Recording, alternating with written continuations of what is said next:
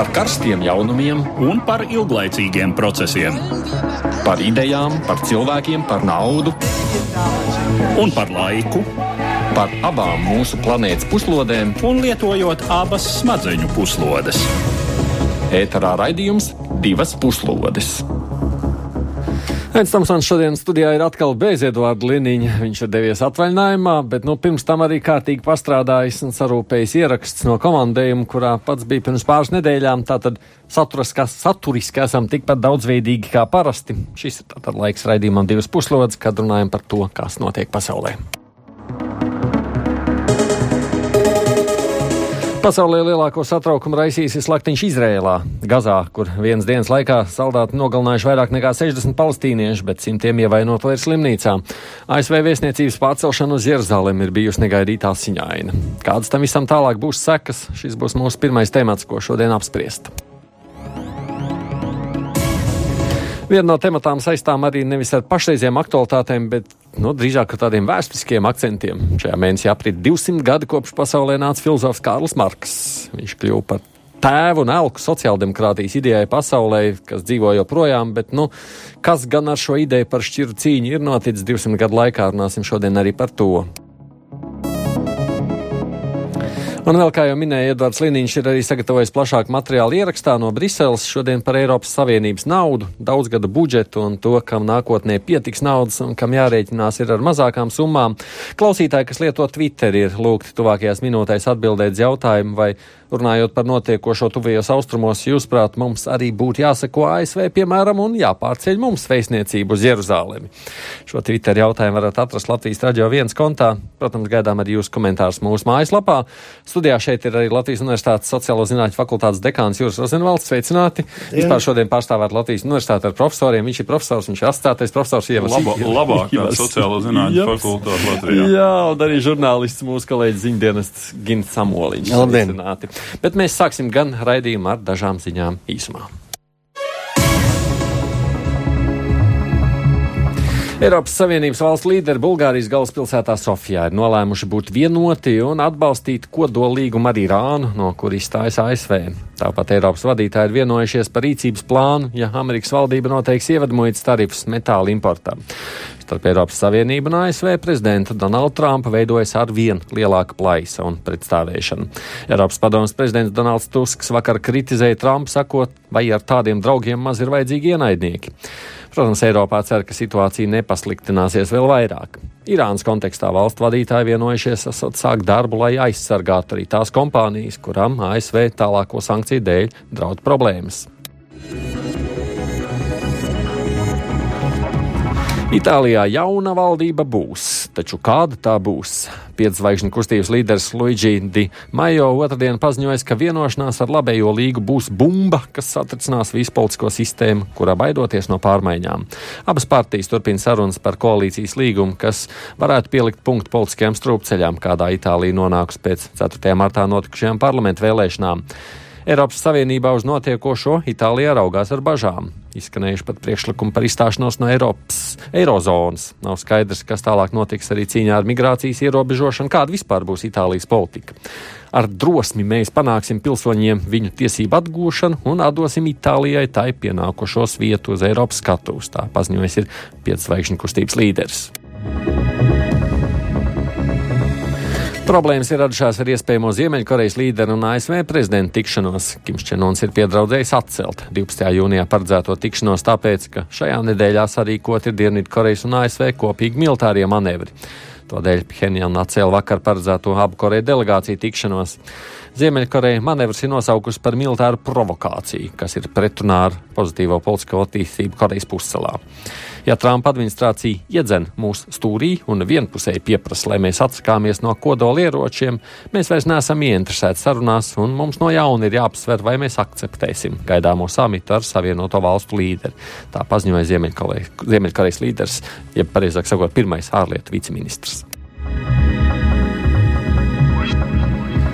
Krievu uz Krimu tagad var aizbraukt ar auto.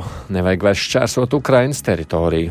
Prezidentam Vladimiram Putinam sēžot pie smagā kamas stūres, šodien svinīgi auto satiksmē atklāts tilts, kurš uzcelts starp Krieviju un okupēto Krimas pussalu pār Kērčs jūras šaurumu. Krievija tam tērējas milzīgs līdzekļus, un tilts vieglo auto satiksmē nodots pusgadu pirms termiņa. Tiesa smagie tur vēl nedrīkstēšot braukt līdz rudenim, bet dzelzceļa līnijas atvēršana gan krietni aizkavēšoties un būšot pieejama tikai nākamā gada beigās beigās. Ukrainas prezidents Porošenko paziņojis, ka tils Krieviem nodarēšot, kad nākšoties steidzam atstāt okupēto pussalu. Pēdējā laikā atklātībā nākuši jaunas ziņas par Lielbritānijā saindēto dubultaģentu Sergeju Skripaļu. Laikraksts The New York Times, atsaucoties uz Eiropas amatpersonām, vēsta, ka pēc pārcelšanās uz Lielbritāniju Skripaļs daudz ceļojis, tiekoties ar citu valstu izlūkdienas darbiniekiem. Viņš, piemēram, vairāk kā ticies ar Čehijas izlūkdienestu darbiniekiem, kam ir sekojis vairāku krievu spiegu izraidīšanu no Čehijas. 16. gadā viņš apmeklējis arī Igauniju, kur ir ticies ar Igaunu aģentiem. Šīs ziņas ļauj nojaust, kāpēc Krievijai Skripais nav bijis tikai pensionēts bijušais aģents, taču radīs arī nepatikšanas, atklājot Krievijas spiegu identitātes. Bet nu pievēršamies tagad sākumā minētajiem tematiem un sākam ar augstu augošo spriedzi tuvējos austrumos. Šajā nedēļā aprit 70 gadu kopš Izraels dibināšanas. Palestīnieši to sauc par Nagba, jeb katastrofas dienu, jo daudziem palestīniešiem Izraels dibināšana nozīmēja māju zaudēšanu un padzīšanu no dzimtenes. Īpašu dāvanu Izrēlē bija sagādājis ASV prezidents Donalds Trumps, pirmdien atklāta jaunā ASV vēstniecība Jeruzalemē. Palestīnieši, saniknoti par ASV lēmumu, periodiski rīko protesta akcijas pie Gazas joslas un Izraels robežas jau kopš marta beigām, taču pirmdien sadursmes sāsinājās. Pēdējā informācija liecina, ka pirmdienas sadursmju upuru skaits pārsniedz 60 cilvēkus, lielākā daļa no viņiem bijuši Hamas biedri. Palestīnas puse ziņo, ka lielāko daļu bojā gājušo nošāvuši izrēliešu snaiperi. Ievainoto skaits, kas cietuši no lodēm un asaru gāzes, saskaņā ar palestīniešu mediķu datiem, pārsniedz 2200 cilvēkus.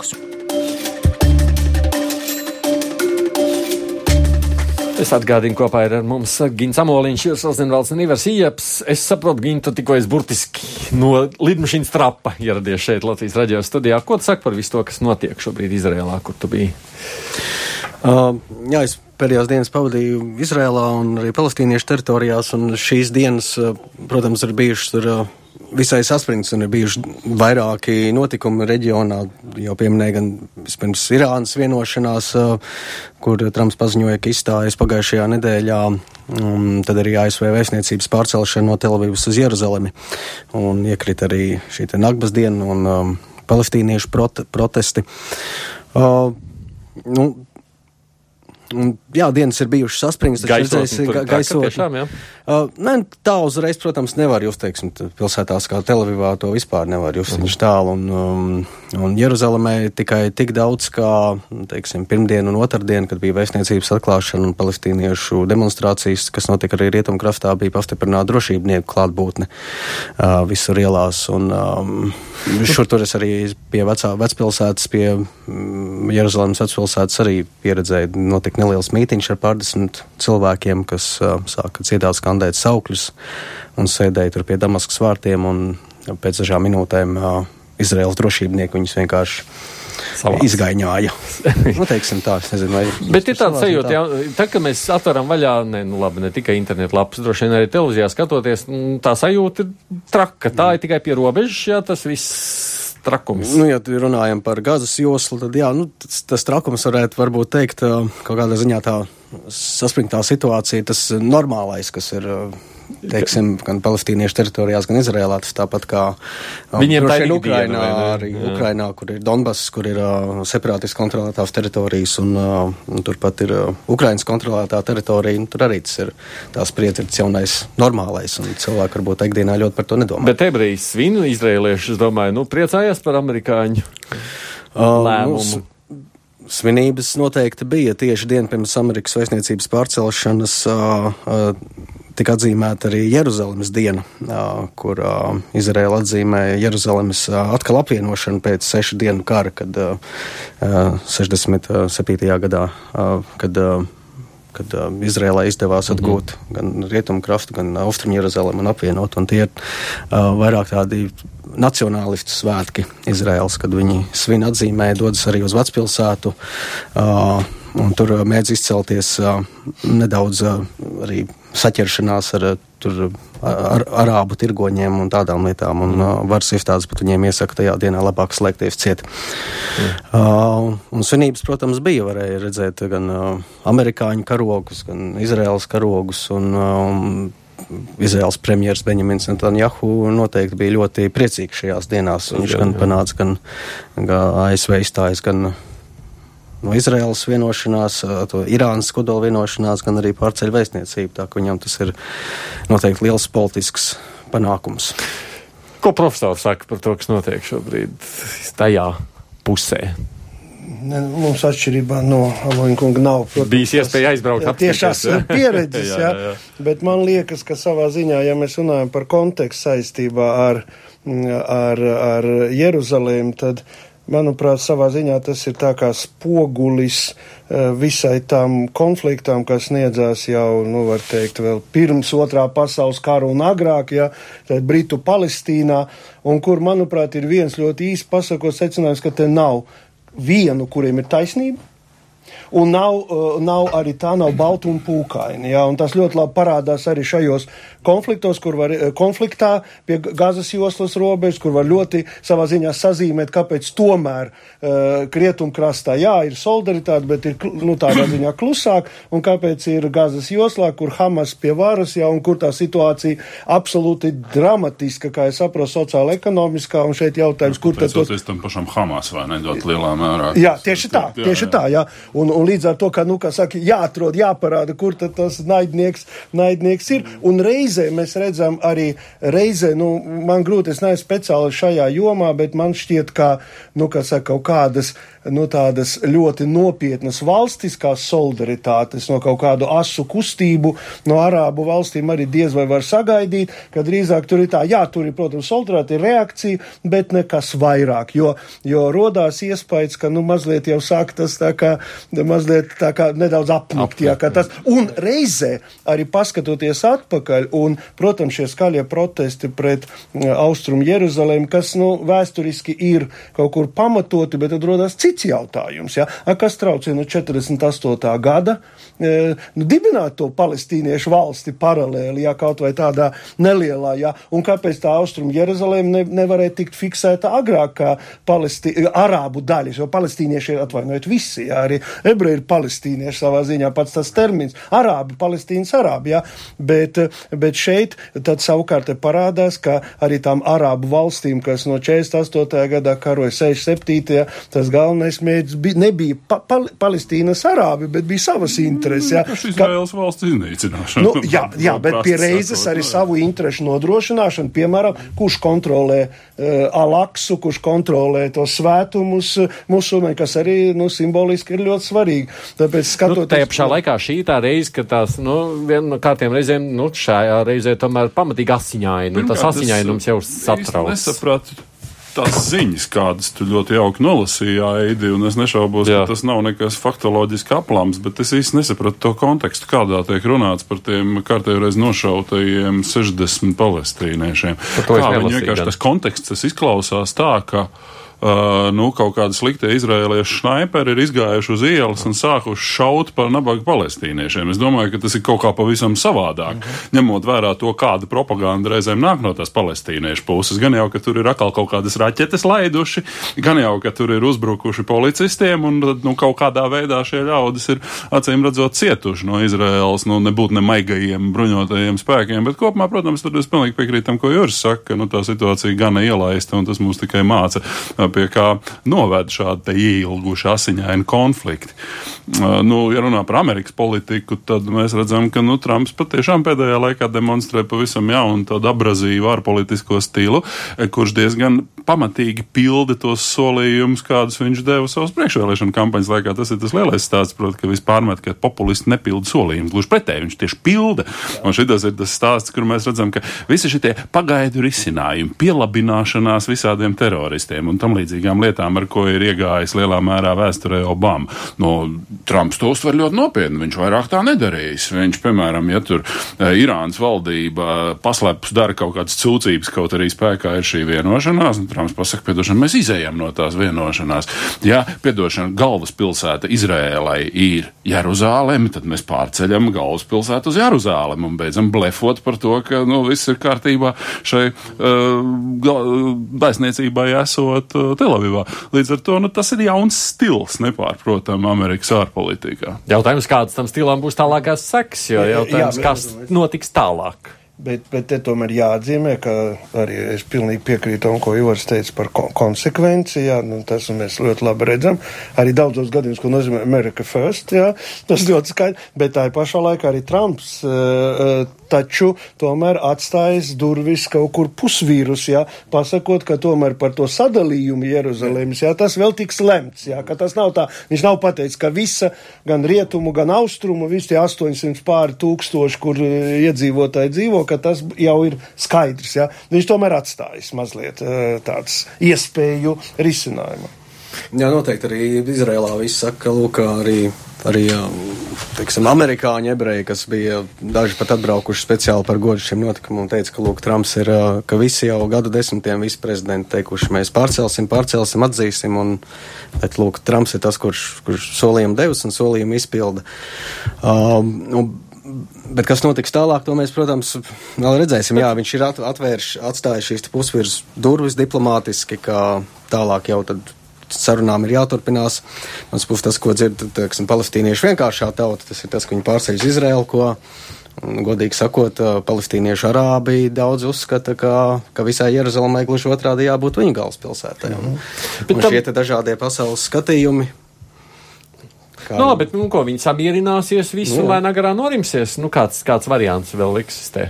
Viss pieņems un tad, tad diskutēs tālāk par šīm robežām, kuras ir Trumps pabīdījis. Tā? Es domāju, ka negluži. Es negribēju tā, es domāju, ka nu, atkal mēs šeit redzam, jā, no vienas puses tas diezgan viens as, uh, asa kustība ir izdarīta, bet no otras puses, es domāju, tie strīdi par to, kā tad visu to sadalīt, ja joprojām eh, paliek, jo es gribētu pievērst arī uzmanību uh, tam, ka, ja mēs atgriežamies pie 67. gada, kad tie um, Izraels desantnieki, var teikt, nokļuva tempļa kalnā, jā, Tad pēc tam Mošēdā Jānis ļoti ātri pateica, nē, tempļa kauns, mēs uz to nepretendējam, tas paliek pašu musulmaņu pārvaldībā, jā, un līdz ar to speciāls status, jā, raudu mūris, jā, tā ir svēta lieta, no tā mēs nekad neatteiksimies, tāpēc līdz ar to es domāju, ka tā tirgošanās vēl būs, bet, bet cik ilgi tā būs, o, tas ir cits jautājums. Jā. Jā, cik ilgi un kādi, jo šajā ziņā šobrīd Trumps ir piedāvājis, nu, Izrēlai ļoti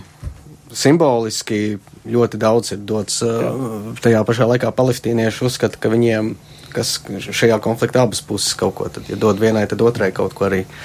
Un tad palestīnieši pagaidām neredz, kas viņiem par to būtu pretī šajā gadījumā. Un tad ir jāgaida, un Trumps ir solījis, ka viņš sniegs savus priekšlikumus ar savu, ar Kušneru, kā, kā tālāk savu plānu, kāds tas būs. Uh, Ir, ir baumas, ka viņš varētu atzīt Austrumu Jeruzalemē kādus arābu rajonus par palestīniešu un tur pārcelt arī mhm.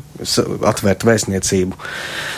Bet kā tas būs, to mēs redzēsim katrā ziņā. Šobrīd mans iespējas ir, ka Trumps ir, lūk, viņš ir spērs asus soļus attiecībā uz to austrumu konfliktu, attiecībā uz Irānu, attiecībā uz Ziemeļkoreju, kur varētu būt tikšanās, varētu nebūt, bet nu, šobrīd tas ir kaut kas ir iekustināts, ir pamests gaisā, bet kā tas viss vēl beigsies, nevienā no šiem jautājumiem īsti. Skaidrības nav. Nu, runājot, ja, protams, tādā ziņā Izraels politika jau ir bijusi visu laiku nu, tāda, kāda viņi ir, vai ne? Viņa asi reaģē uz visiem un savus intereses īsteno.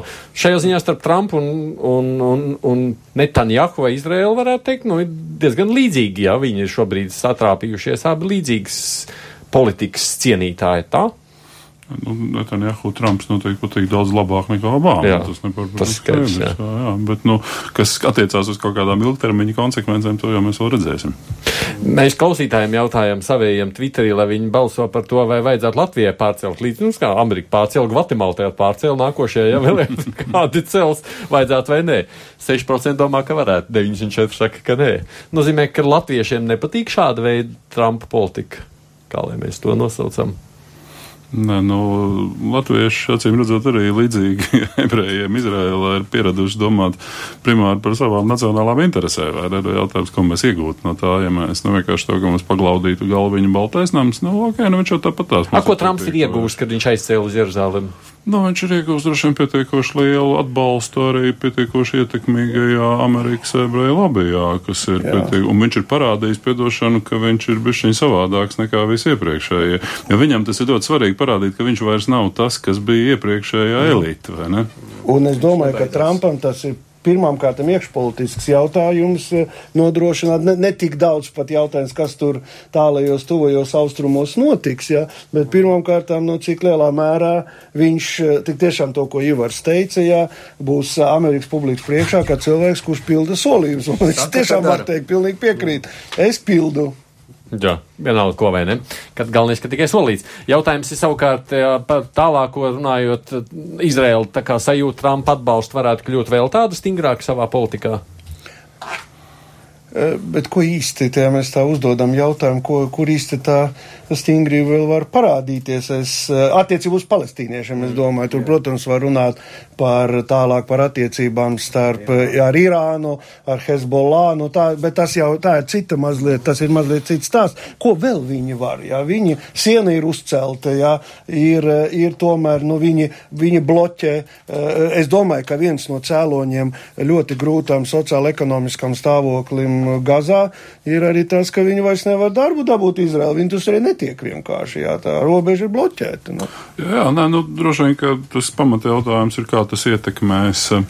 Um, Izraels attiecības ar uh, samērā amerikāņiem lojālajiem Izraels kaimiņiem, proti ar Jordāniju un Ēģipti, vai ne, kas diezgan ne pārāk labi uztver šo pasākumu, jo viņi arī tomēr ir diezgan, nu, tās sabiedrības jau tur ir ārkārtīgi anti-izraēliskas. Nu, būsim godīgi, lielākā daļa tuvo austrumu arābu sabiedrību ir diezgan sliktās domās par Izraēlu kā tādu. Un tagad, protams, tie visi, gan Jordānijas, tas karalis, gan tie, tur, tie ģenerāļi, kas ir nākuši atkal pie varas Eģiptē, nu, viņiem jau arī ir tieši tāpat tās tā kā visiem autoritāriem līderiem. Viņiem tomēr ir bišķiņi jājūt, ko tā viņa sabiedrība gaida un domā, vai ne? Uh, Šajā gadījumā Arābu valstu līderi mutiski publiski, protams, ļoti nosodīja gan to, kas notika Gazas joslā, gan vēstniecības pārcelšanu, taču kas notiek aizkulisēs, tur, tur pienāk dažādas ziņas. Un, protams, šiem līderiem jāņem vērā sabiedrību noskaņojumi. Mm. Uh, un, un ir jāpasaka, viņi, viņi nekad neteiks, ka viņi to atbalsta, no, nu, tā tālāk. Bet mm. aizkulisēs mēs, piemēram, tāpat Saudarābiju, kurai ir Izraela, tagad ir kopīgs intereses attiecībā Jā. uz Irānu. Vai. Un ir ziņas, kā, un, kā aiz, aizkulisēs Saudarābija, piemēram, tur saka, nu, palestīniešu līderiem, nu, ka varbūt, ka. Nu, Viņš nomierināja. Jā, jā.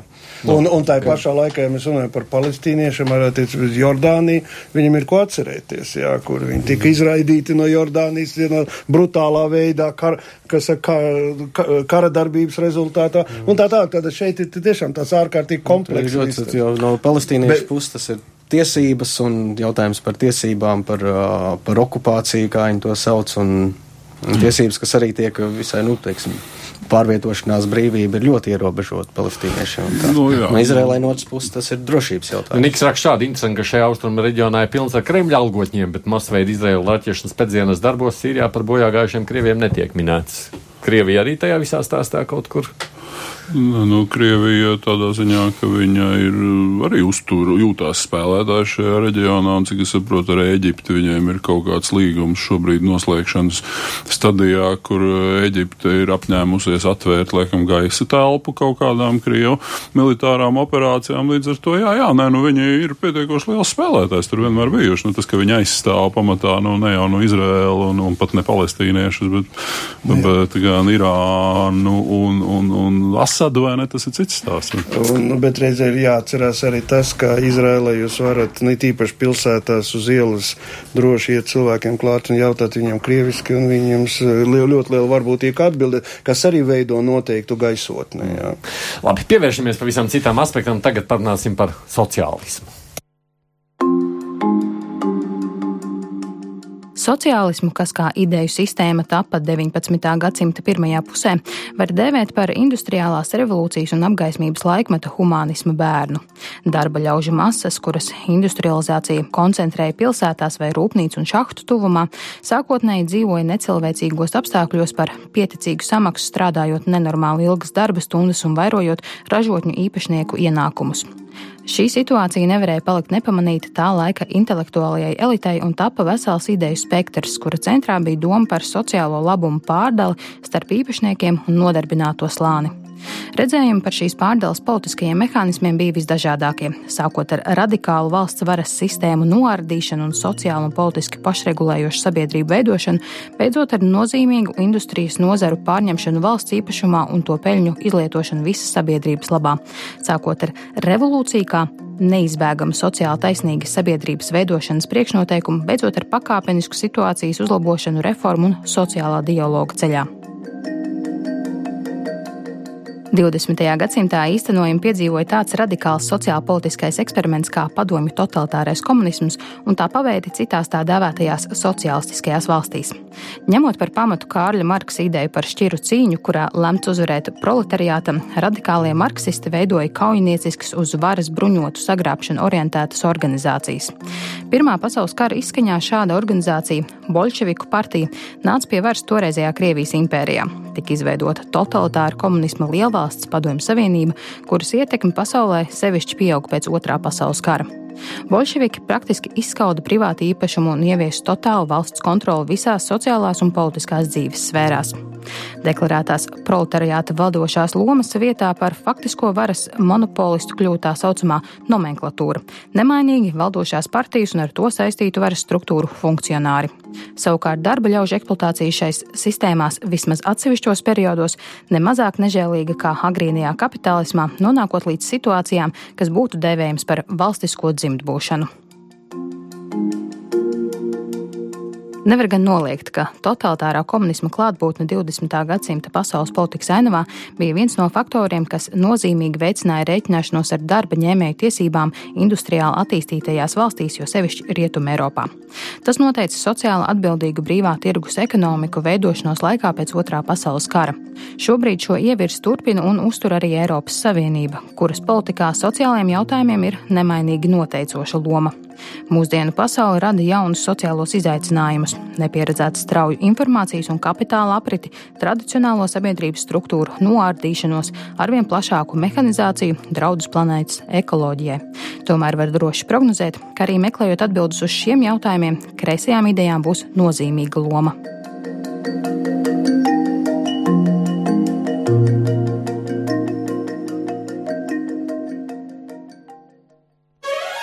Divas puslodes.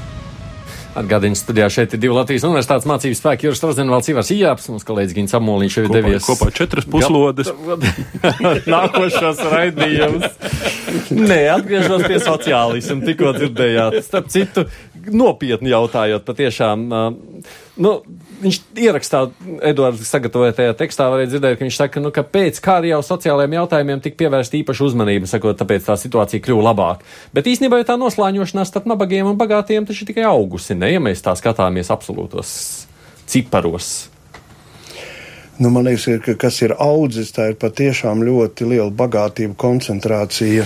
Nu, teiksim, jā, tā diferenciācija kļūst Daži augšā, cilvēki kļūst ļoti bagāti. bagāti jā. bet es domāju, ka tai pašā laikā, protams, ja mēs salīdzinām ar 19. gadsimtu, tad nu, vismaz mūsdienu daudz maz attīstītajā pasaulē nu, tāda bada problēma nepastāv. Nu, jā. tad, tad bagāti, Izdzīvošanas problēma labāk, labāk palika gan bagātiem, gan nabagajiem. Jā, nu, savā tā, ziņā jā. Tāds Savā ziņā, jā. Bet tā šķirta taču vienalga plecusies plašāk. Nē, nu jautājums, vai tā šķirtne pat par sevi ir kaut kāds ļaunums. Lielākā daļa visādi sociālisti droši vien domā, ka šķirtne pat par sevi ir ļaunums. Nu jā. Bet, ja man ar katru gadu paliek dzīvīt labāk, ja es varu atļauties sev labāku māju, jaunu mašīnu, eksotiskākus ceļojumus un tā tālāk, vai man īpaši rausta tas, ka viens tur augšā vai kaut kā daži augšā ir miljardieri? Tas ir ļoti labs jautājums tādā ziņā. Cilvēku ilgas pēc sociālā taisnīguma. Nē, nu, restīvi atņemt visiem un sadalīt, jā, ne? sadalīt, Jā, sadalīsim jā. taisnīgi visu to, kas pieder tev, jā.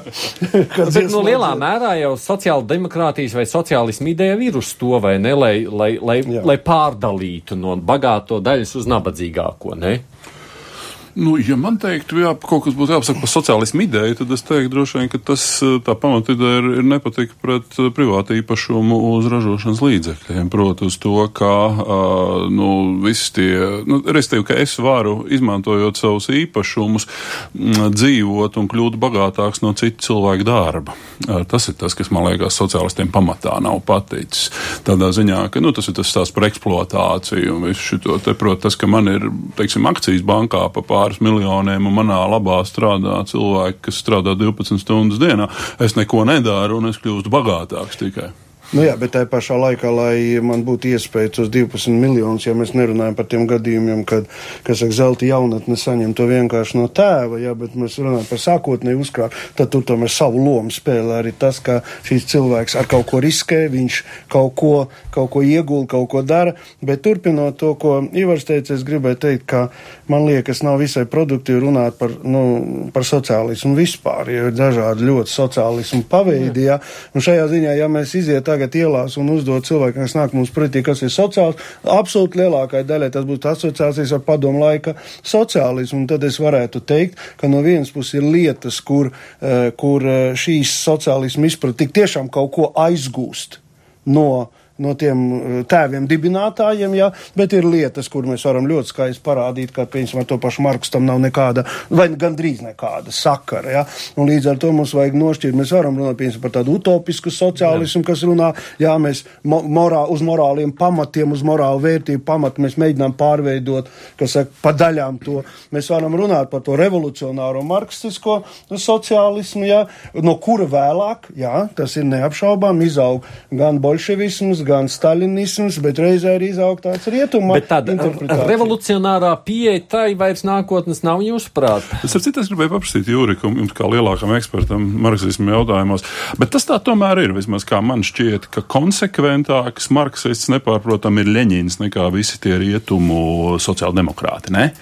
Eh, Es gribētu teikt vienu. Kādā uh, daudzos gadījumos jā, bet ir viens principiāls moments, kuru mēs, un ko starp citu tiem cilvēkiem, ko mēs uz ielas satiksim, viņiem, ar ko saistās viņiem sociāli, saistās ar, nu var teikt, šo pāri cilvēkam stāvošu represīvo valsts mašīnu. Tad, lūk, šī šai ideja ar Marksu ir ļoti maz kopīga. nu jā. Tāpēc, kā jau runā par oriģinālu Marksa darbiem, Markse uzskatīja, ir par pašpārvaldošo sabiedrību, kur ir ļoti spēcīga tāda anarhisma e, elementi, jo viņš aplūko valsti kā eksploatēto šķiru e, instrumentu. Nu, ja nav šo eksploatātoru šķiru, nu, tad tā sabiedrība darbosies. Tas, protams, ir absolūti utopiski. Tas viss ir tādā absolūti teorētiski. Reāli tas aizgājis uz to. Ja? Un savā ziņā es gribētu teikt, jā, Leņins ir Marksa turpinātājs tādā ziņā, manā izpratnē, ka Marksam raksturīgs tas, eh, kā, ko var nosaukt par revolucionāru katastrofismu. Viņš netic tam, ka kaut ko kapitāls var pārveidot pakāpeniski. Pakāpi. Viņš Nu, labi, bet, lauzīsim un viss. bet tā laušanas ideja, tā ir, cik, cik tā šobrīd vēl ir iespējams, vai tāda revolucionāra tikai tāpēc, ka mēs dzīvojam labāk, vairs nav Viņa vajadzīgs. nav, ja? es domāju, ka viņa nav, Nav aktuāla, bet es reizē gribētu pasvītrot, ja, to, ka arī, eh, ja mēs runājam, eh, mēs bieži vien sakam, jā, tas marksiskais sociālisms ir saistīts ar ideju par šķirām. Pilnīgi taisnība, jā.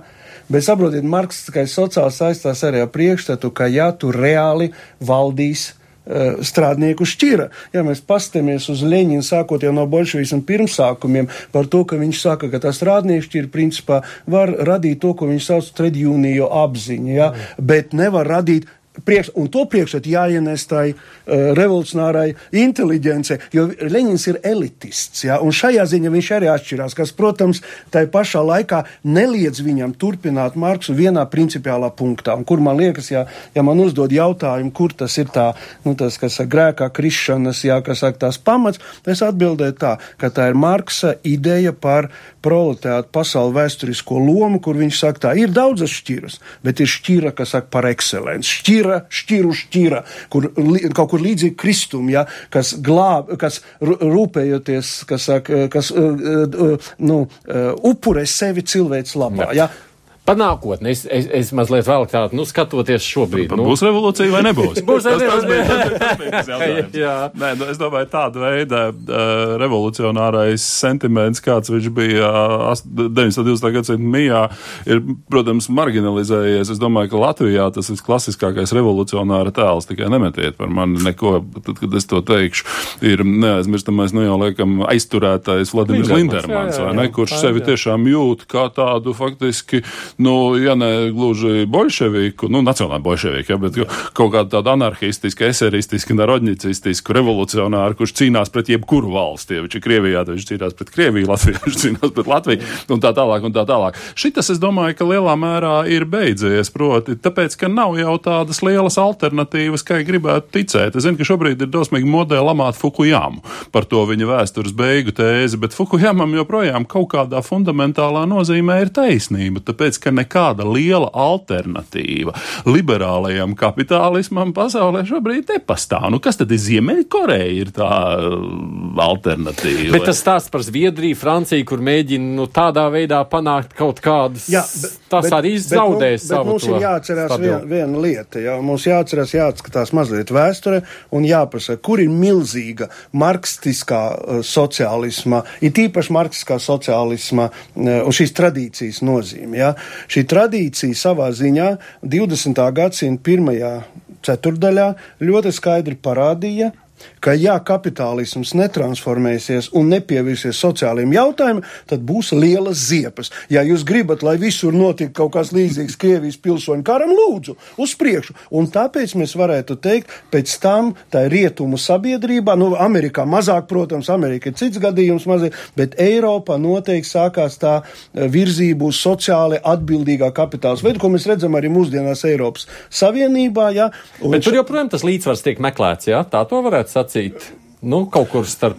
Nē, nu, te, komunistiskās alternatīvas pastāvēšana 20. gadsimtā bija ļoti liels baiļu avots eh, daudzām rietumu elitēm. Tas bija tieši tā, kā Juris saka, motīvs viņām, nu, teiksim tā, ieviest dažādas sociālās politikas, kuras no, pat no mūsdienu Latvijas viedokļa raugoties bija ārkārtīgi, ārkārtīgi lielas un ārkārtīgi apjomīgas.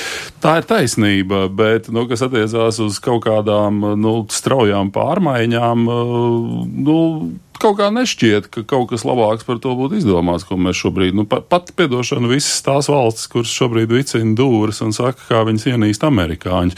Tas, ko viņi patiesībā beig, beigās grib, ir kaut kas ļoti līdzīgs šim te, nu, vecajam labajam kapitālismam. Atsakot, bet mēs, man ļoti negribas, bet man jāsaka, jums tūlīt paldies ir, bet faktiski idejas kā tāda mēs būtībā runājam tikai par tādu sociālo lielāku atbildību, nevairs uzsvaru. Sociāli uzsvaru, koriģētu uzsvaru.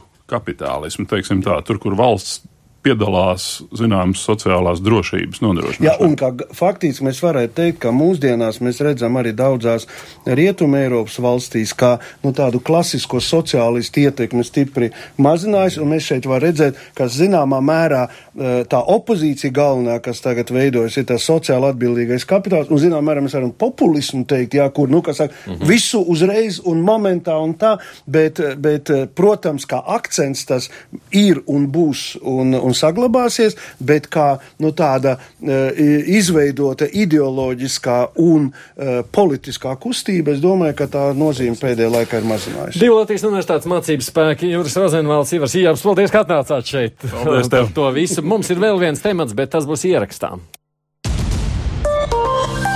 Eironet Plus, Zagreb, Brisele, Sofija, Rīga. Eironet Plus, vadošā Eiropas ziņu radiostaciju apvienība. Saprast Eiropu labāk! Eiropas Savienības budžets pēc 2020. gada ir tas jautājums, par ko daudz prātauja jau kopš Britu Brexit balsojuma 16. gada vasarā. Šis būs pirmais budžets bez Lielbritānijas maksājumiem. Bet Eiropas komisija iecerējusi budžetu nevis griezt, bet audzēt. Lai to panāktu, būs vairāk citām valstīm jāmaksā. Savukārt kaut kur būs jāsamazina lauksaimniecībai vispirms, savukārt citām nozarēm pat tiks palielināts par top šo budžetu. Edons Lienīšs izvaicāja Eiropas parlamenta deputāts Danutu Marju, Hibneri, Robertu Zīlu un Ines Vaideri.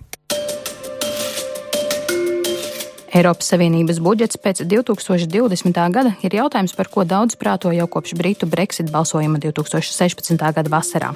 Šis būs pirmais budžets bez Lielbritānijas maksājumiem, taču Eiropas komisija iecerējusi budžetu nevis griezt, bet audzēt. Lai to panāktu, valstīm būtu jāiemaksā 1,1% no nacionālā kopienākuma līdzinājā 1% vietā. Būs jāmeklē jauni veidi, kā iekasēt naudu, kā arī jāmeklē, kur ietaupīt. Pēdējais attiecas arī uz lauksaimniecību. Komisija ierosina par aptuveni 5% samazināt kopējai lauksaimniecības politikai un kohēzijas politikai atvēlēto finansējumu. Savukārt tādās jomās kā pētniecība, inovācija, jaunieši, digitāla ekonomika, robežu pārvaldība un drošība investīcijas plānotas pat dubultot. Par topošo budžetu kolēģis Edvards Liniņš Briselē izvaicāja Eiropas parlamenta deputātus Danutu Mariju Hibneri, Robertu Zielu un Inesi Vaideri. Eiropas komisija vienmēr nāk klajā ar budžeta piedāvājumu, jo tā ir apmēram nu, tā kā Eiropas valdība, mēs esam tā kā Eiropas saima, Eiropas parlamentārieši, kas dod uzdevumu, bet valdība nāk klajā ar konkrētiem cipariem. Parasti Eiropas komisija preses brīfingā informēja presi par to, kāds tad izskatīsies jaunais budžets pirmo reizi Tieši Eiropas parlaments bija pirmais, kas tika iepazīstināts ar budžeta projektu, un bija ieradies gan komisijas priekšsēdētājs Junkers, gan arī par budžetu atbildīgais komisārs Ettingers, un tieši viņi pirmie ziņoja parlamentam. Mēs bijām jau martā devuši savu uzdevumu, savu nostāju, kurai atbilstoši šis budžets tika veidots. Un pirmo reizi bija tā, nevis nu, mums ir konkrēta naudas summa, mēs skatāmies, ko par to var izdarīt. Pirmo reizi mēs definējām to, ko mēs gribam izdarīt. Un tas mūsu marta rezolūcijā viss ir arī skaidri izlasāms, kad mēs pateicām, ka nu, ir šis caurums, kas, ko Briti ir izveidojuši ar aiziešanu, šie 11 līdz 13 miljardi, tas ir jāizpilda. Mēs teicām, ka ir gan jātaupa līdzekļi, gan arī jāpiesaista no jauna, veidojot eh, pašu līdzekļus. Un tas mēs tagad vakar skatījāmies, kā tas ir izdarīts. Tas, ka dažās nozarēs ir samazinājums, kā jau jūs arī redzējāt, tātad arī kohēzijas tātad programmā mīnus 7%, lauksaimniecībai mīnus 5%, tiešmaksājumiem mīnus 4%. Tātad mēs arī dzirdējām no komisāra Ettingera to, ko mēs arī teicām, ka šim samazinājumam, šai konsolidācijai tomēr ir jābūt ar skatu uz jaunajām dalību valstīm. Tātad kohēzijas politikai ir jābūt tādai, ka jaunajām dalību valstīm, saucamajām jaunajām, nu mēs esam jaunākas dalību valsts nekā tās, kas ir kopš Eiropas Savienības izveidas, ir uh, tomēr jācieš mazāk, un varbūt, ka vispār nav jācieš. Nu, bet tas tagad viss ir mūsu valdības rokās, kā tas samazinājums uh, tomēr tiks mīkstināts, vai Vecās dalību valsts saņems saviem reģioniem, kas ir mazāk attīstīti, vai tā saucamās jaunās dalību valstis, kas ir tomēr kopumā zem šīm 75% eh, no iekšzemes koprodukta savā ekonomikas attīstībā. Tātad kā tagad šī summa, kas tagad ir, kā tiks dalīta, tā tagad ir protams, lielā mērā Eiropas padomas rokās, dalību valstu ziņā, jo mēs vēlējāmies, lai dalību valsts iemaksā 1,3% no nacionālā kopienākuma.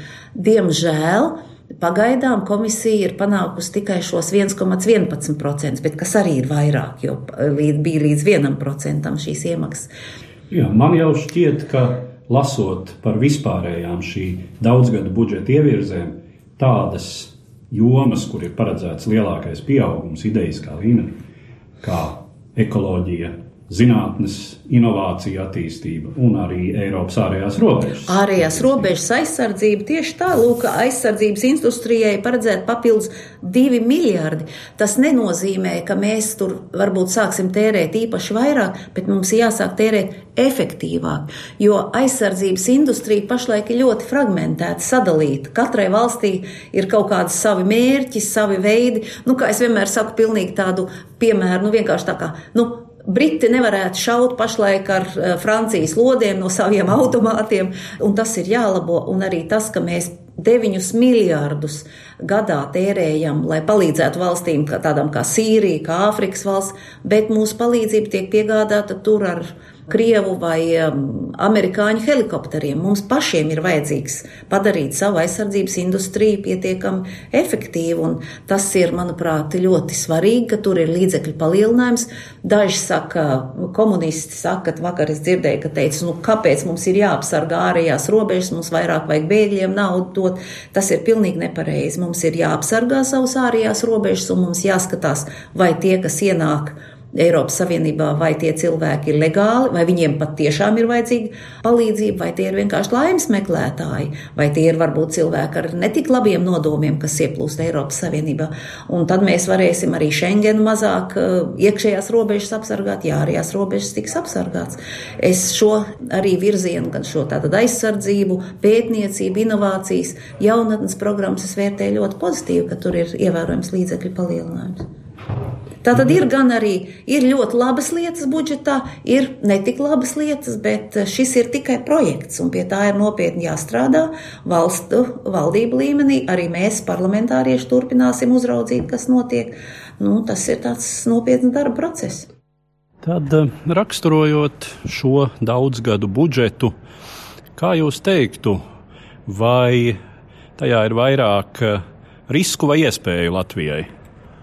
Es gribētu teikt, ka vēl viss nav zināms, un tāpēc ir grūti komentēt. Es domāju, ka arī Finanšu ministrija Latvijā nav saskaitījusi vēl, kādas varētu būt iegūmas, tāpēc, ka nav visa informācija. Tad vakar tika prezentēts septiņu gadu budžets, bet tas bija pirmā daļa tikai tātad kopējais apjoms un, un, un, un tāds kā tas finanšu regulējums. Bet, teiksim, mūsu interesējušo kohēzijas politikas dokuments tiks pieņemts vai nu no māja beigās vai jūnija pirmā nedēļā, un vairāk citi jautājumi arī par, teiksim, savienojot Eiropu finanšu instrumentus kā pamatbūvē Real Baltica, piemēram, arī tā regula nāks ārā projekts no komisijas jūnijas sākumā. Tāpēc es domāju, ka pēc mēneša mēs zināsim daudz vairāk un, un varēsim saprast, kā tas īsti ietekmēs nākošos septiņus gadus Latviju. Tas, kas pašlaik ir skaidrs, ir skaidrs, ka būs jaunas izmaksas piemēram, migrācijas jomā, teiksim, pamatā Dienvidu Eiropas valstīm attiecībā uz vidusjūras robežu pret migrācijas plūsmām, un arī droši vien palīdzība Āfrikai tur ir iekšā un tuvajiem austrumiem. Ir skaidrs, ka būs aizsardzības izdevumiem, bet samērā komplicētā veidā tā jauna pozīcija būs nu, diezgan jūtama summa un trijām pozīcijām. Tātad pirmām kārtām transporta mobilitātei, varētu teikt, tiltiem, dzelzceļiem un tam līdzīgi, lai arī abas, gan civilā tehnika, gan arī cilvēku pasažieri un gan arī militārā varētu to ietekmēt. Tas mums ir ļoti svarīgi. Tur ir apmēram 6 miljardi iekšā šai programmā. Un um, man kā transporta komitejas loceklim teiksim, šis, šis liekas ļoti būtisks. Kaut gan es jau vakar sastapos ar dažu rietumu Eiropas valstu kolēģu, īpaši no kreisajām frakcijām, kas negrib uh, nodarboties ar tā saucamo militāro transportu vai tam līdzīgi, kas, protams, ir tūredzīgi. Mēs zinām, ka drošības viedokļu dēļ, teiksim, NATO ir mēģinājuši nu, šīs lietas te testēt uh, Austrum Eiropas virzienā uz Baltijas valstīm, it īpaši, kas ir tāds šaurais kakls. Tad, diemžēl, nu, tīri loģistikas ziņā, militārās loģistikas ziņā ar to pārvietošanu ir kā ir. Tāpēc es domāju, ka liela daļa no šīs naudas varētu nokļūt arī Baltijas valstīs, Polijā, citās vietās, tuvāk Krievijas robežai.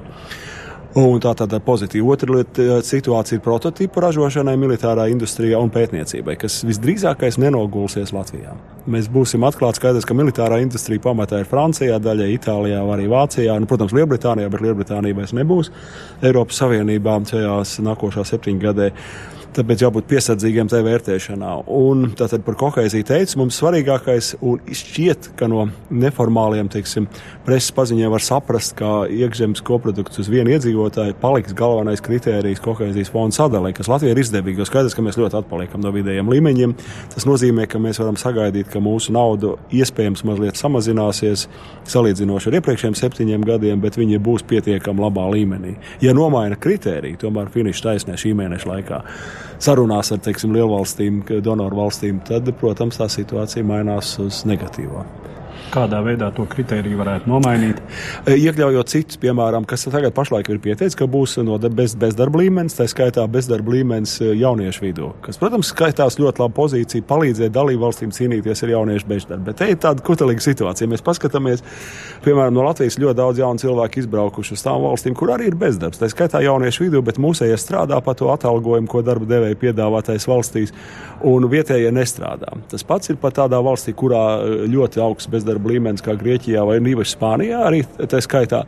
Bet tajā pašā laikā mēs zinām, ka piemēram no Rumānijas ir ļoti un Bulgārijas ļoti daudz jaunie cilvēki, kas ir aizbraukuši strādāt Spānijā, kur spāņu jaunieši negrib strādāt. Tad, līdz ar to jūs lietojat Eiropas nodokļu maksātāju naudu, paņemat nost no citām nabadzīgākām valstīm, iedodat tādai valstī, kas skaitās vidēji, situēta Eiropā kā Spānija. Tajā pašā laikā nu, jūs faktiski neradat labākus apstākļus tiem uh, rumāņu vai bulgāru jauniešiem, kas brauc strādāt uz Spāniju, lai viņi varētu uh, pienācīgu naudu saņemt Rumānijā un Spānijā. Tas ir būtisks temats, kas, kuram es sekošu līdzi un faktiski es mēģināšu šeit arī šo kā lietot kā vienu no argumentiem ka jums jāskatās šī pārobežu. Ja jaunie cilvēki brauc tomēr prom strādāt citur vietējā, negrib strādāt, jūs nevarat lietot ne Eiropas kopējo nodokļu maksātāju naudu šādu politiku attīstībai. Tas nav godīgi. All the debates on budget in Europe has been traditionally the most difficult. I'm always saying that Visas debats par budžetu Eiropā tradicionāli ir vissmagākās. Es vienmēr saku, ka tad, kad runa ir par naudu, tad iet asiņaini.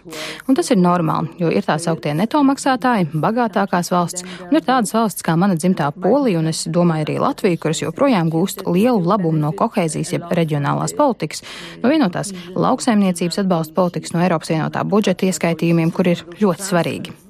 Šīs sarunas ir smagas, un šoreiz tās būs pat vēl smagākas. Pirmkārt, tāpēc, ka mums ir ļoti ierobežots laiks vienošanās panākšanai. Nākamgad mājā ir Eiropas parlamenta vēlēšanas. Tiks nomainīts visu institūciju sastāvs, mainīsies Eiropas Savienības līderi. Tas nozīmē, ka sarunām, kuras parasti ilgst vairākus gadus, mums tagad būs mazāk nekā gads. Mums viss ir jāpabeidz līdz 2019. gada pirmā ceturkšņa beigām.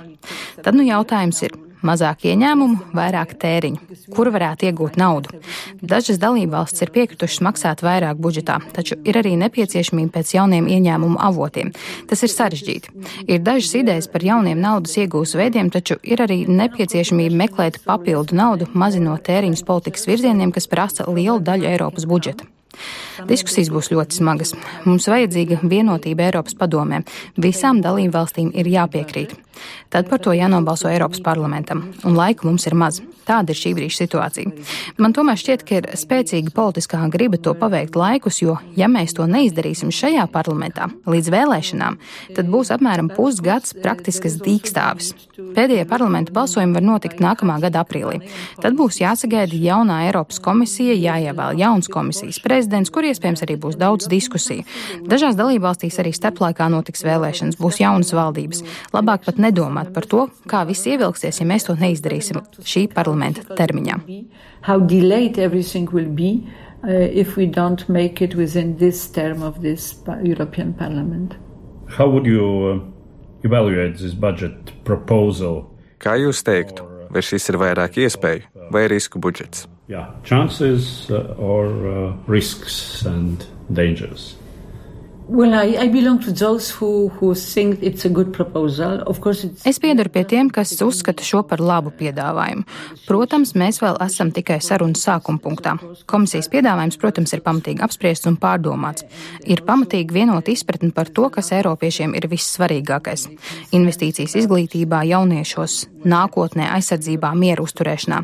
Ir, piemēram, miera procesa programma īrijai, kas, es ceru, turpināsies. Tas ir iespēja budžets un būtisku pārmaiņu budžets.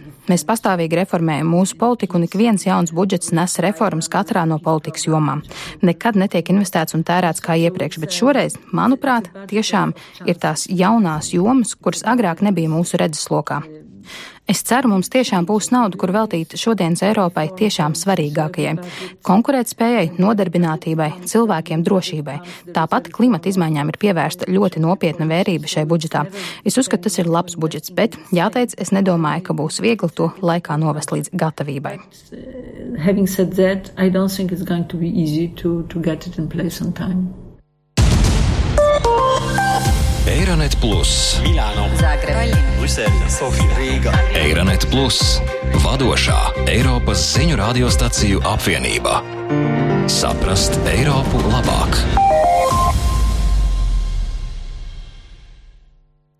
Lūk, tā šodien esam runājuši par dažādām aktualitātēm, ne tik daudz Latvijā, cik Eiropā un visā pasaulē. Tiksimies atkal pēc nedēļas, kad lūkosim, kas tad notiek abās divās šīs zemes puslodēs. Mūsu producenti jau valēni, studijā bija arī es, Aidis Tomsons, līdz nākamajai reizei. divas puslodes.